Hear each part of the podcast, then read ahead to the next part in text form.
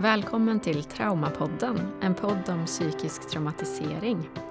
Och den här podden vänder sig främst till patienter och andra människor som är intresserade eller nyfikna på det här med psykiskt trauma.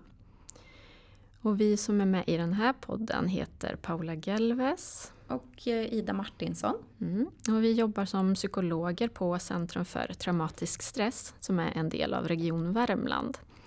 Och vi använder förkortningen CTS som vår mottagning och det är så vi kommer att säga i fortsättningen också. Ja, och eh, målet då med Traumapodden är att eh, du ska få en bättre förståelse för vad trauma är för någonting och hur man kan reagera om man har upplevt en traumatisk händelse. Eh, och vi hoppas att du kan få hjälp att förstå dig själv lite bättre men också lite tips om hur du kan hjälpa dig själv att må bättre eller hur du kan få hjälp av andra att må bättre. Och det är framförallt till dig som, som känner igen dig själv eller någon som står dig nära. Och i den här podden så kommer vi ta upp saker som vi tar upp med våra patienter i behandling. Och vi utgår ju från hur vi förklarar saker, alltså jag och Ida. Eh, och andra behandlare kan ju förklara saker på ett annorlunda sätt. Men idag då så ska vi alltså fokusera på psykiska trauman och vad det kan vara för någonting. Och du kommer bland annat att få höra mer om att eh, traumat kan bli extra svårt om eh, det är någon närstående inblandad, alltså någon närstående som, som gör hemska saker mot dig. Eh, och du kommer också få höra om att det räcker med att höra om någon annans trauma för att eh, eventuellt bli traumatiserad. Mm. Och innan vi fortsätter där så kanske vi ska lägga in en liten parentes om att det här är ju Traumapodden och vi kommer att prata om väldigt svåra händelser eh, och så. Och jobbiga upplevelser. Så att om du vet med dig att du kanske inte riktigt orkar eller klarar av att lyssna på det nu så får du gärna stänga av och göra något annat och lyssna gärna på oss längre fram när du känner dig mer redo. Mm. Mm. Men vi fortsätter då och pratar om vad ett psykiskt trauma kan vara. Och man brukar prata om potentiellt traumatiserande händelser, alltså händelser som har en potential att traumatisera oss. Det eh, kan vara så att du utvecklar svåra symptom efter en händelse men andra personer gör det inte. Eh, eller att man utvecklar olika typer av svårigheter såklart. Ja, och det är också så att de allra flesta av oss upplever potentiellt traumatiserande händelser någon gång under livet. Det är alltså händelser som till, eh, leder till att du och kroppen blir överväldigad, att du inte klarar av att hantera det som händer känslomässigt. Ehm, Ja, du klarar inte av att hantera och reglera dig själv. Mm. Och det är olika faktorer som kan utgöra en risk för att man blir traumatiserad. Och det kan vara sånt som vilka erfarenheter man redan har med sig. Eh, om man fick god hjälp att förstå och reglera sina känslor när man var barn. Eh, vad man har för relationer, socialt stöd, att hantera mm. det som händer här och nu. Mm, bland Vem annat. du är som person. Men eh, som sagt, idag ska vi prata om vad som kan anses vara potentiellt traumatiserande. Och de flesta kanske tänker på krigsupplevelser eller olyckor. Eh, och det finns många fler erfarenheter och då är det olika typer av våld. Fysiskt och psykiskt våld, sexualiserat våld, materiellt våld och ekonomiskt våld. Eh, det kan vara omvårdnadsbrister i barndomen, eh, naturkatastrofer och olyckor, separationer. Ja precis, det är alltså händelser som på olika sätt utgör ett hot mot vår känsla av trygghet i livet. Så det kan vara en mängd olika saker. Och de patienter som vi träffar på vår mottagning eh, de har ju vanligtvis blivit utsatta för olika typer av övergrepp. Eh, det kan vara sexuellt, fysiskt eller psykiskt våld. Eh, antingen i familjen, i en nära relation eller kanske i en krigssituation. Och vi går in lite mer på vad, vad de här sakerna kan innebära. Och fysiskt våld, eh, det kan ju vara allt från små nyp, hårda grepp till slag och sparkar. Ehm, och man kan ju utsättas av föräldrar, syskon, vänner, eh, kanske en helt okänd människa på stan. Eh, fysiskt våld inbegriper ju också såklart eh, skador under krigssituationer, skottskador till exempel. Eller så. Mm. Mm. Och lite exempel på psykiskt våld kan vara att du har blivit kränkt eller nedtryckt eh, på olika sätt. Du kanske har blivit ignorerad helt i din uppväxt eller eh, utesluten av kamrater. Eh, det kan vara att ja, men du, det har varit omvårdnadsbrister från dina föräldrar eller andra vårdnadshavare. Psykiskt våld kan vara att din partner har hotat och kränkt dig på olika sätt. Eh, begränsat dig i din vardag. Du kanske till och med har blivit inlåst eller hotad av föräldrar eller din partner för att göra som, som de vill. Eh, och det kan även omfatta att eh, bevittna någon annan som står dig nära som blir slagen. Det är också psykiskt våld. Eh, kanske har du sett på när din pappa har slagit din mamma när du var liten. Ehm. Och i ett sammanhang av våld så kan ju till och med en eh, blick vara ett slags psykiskt våld. Och vi nämnde också sexuellt våld, eller sexualiserat våld.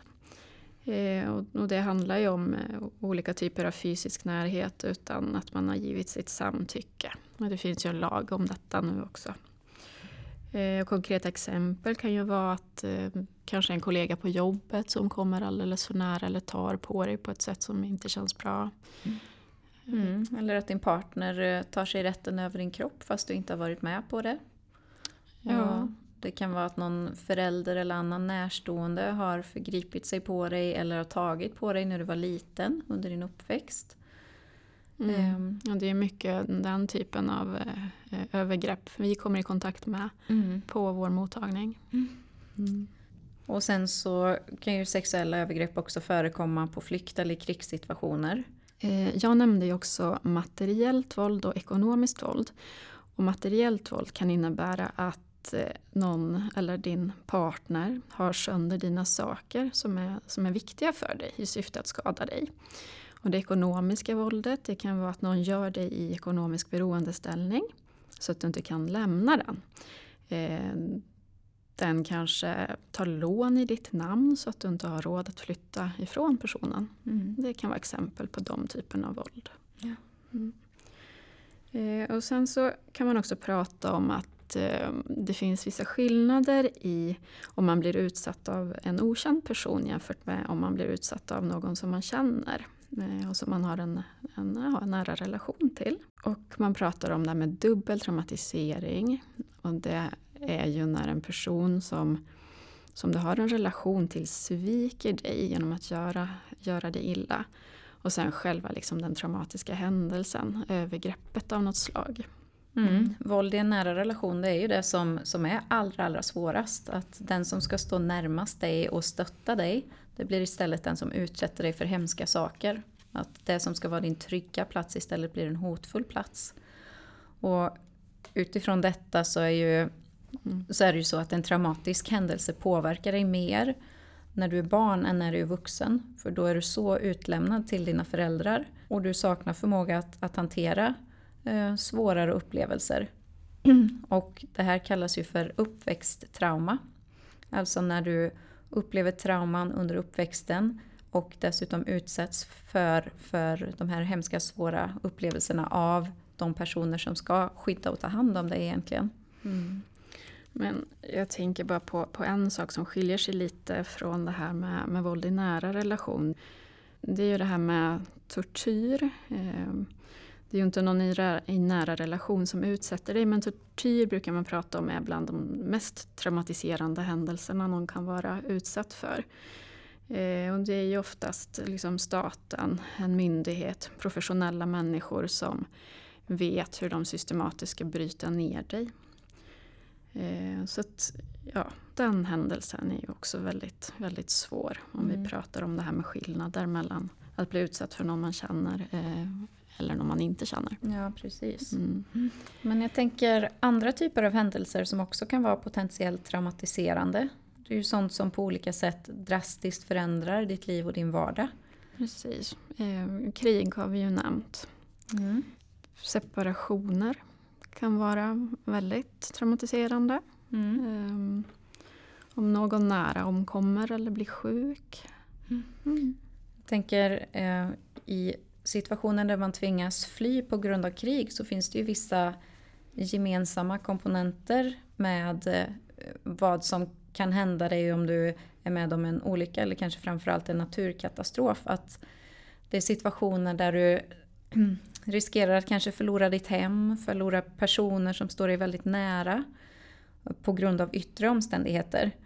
Eh, det är händelser som gör att livet kanske aldrig blir sig likt igen och att den stabilitet och trygghet som, som du tidigare känt kanske helt försvinner eller förstörs. Eh, ditt hem eller din arbetsplats eh, finns inte längre kvar. Eh, och vänner och släktingar kanske skadas eller omkommer. Så alla de här exemplen är ju också extremt stressande för en människa. Mm. Ja, eh, och sen kan det ju också vara så att det räcker att höra om en traumatisk händelse eller få vetskap om att någon har varit utsatt för att man själv ska utveckla traumasymptom.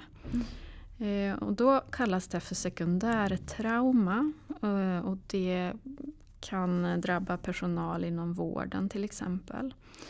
Eller barn till traumatiserade föräldrar.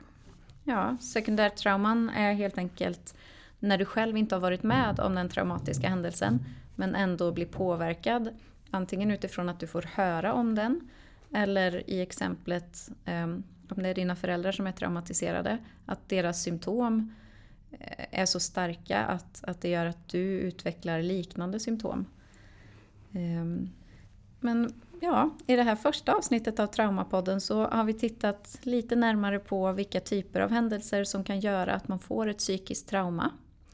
Och nästa gång vi hörs så kommer det handla mer om diagnoserna som du som har gått igenom ett trauma kan få, bland annat PTSD, alltså posttraumatisk stress. Om det här avsnittet har väckt frågor eller om du vill få kontakt med vården så hittar du mycket mer om trauman och PTSD på webbplatsen 1177.se. Och där hittar du även kontaktuppgifter så att du kan söka hjälp. Tack för att du har lyssnat på Traumapodden från Region Värmland. Vi heter Ida Martinsson. Och Paula Gelves. Hej då. Hej då.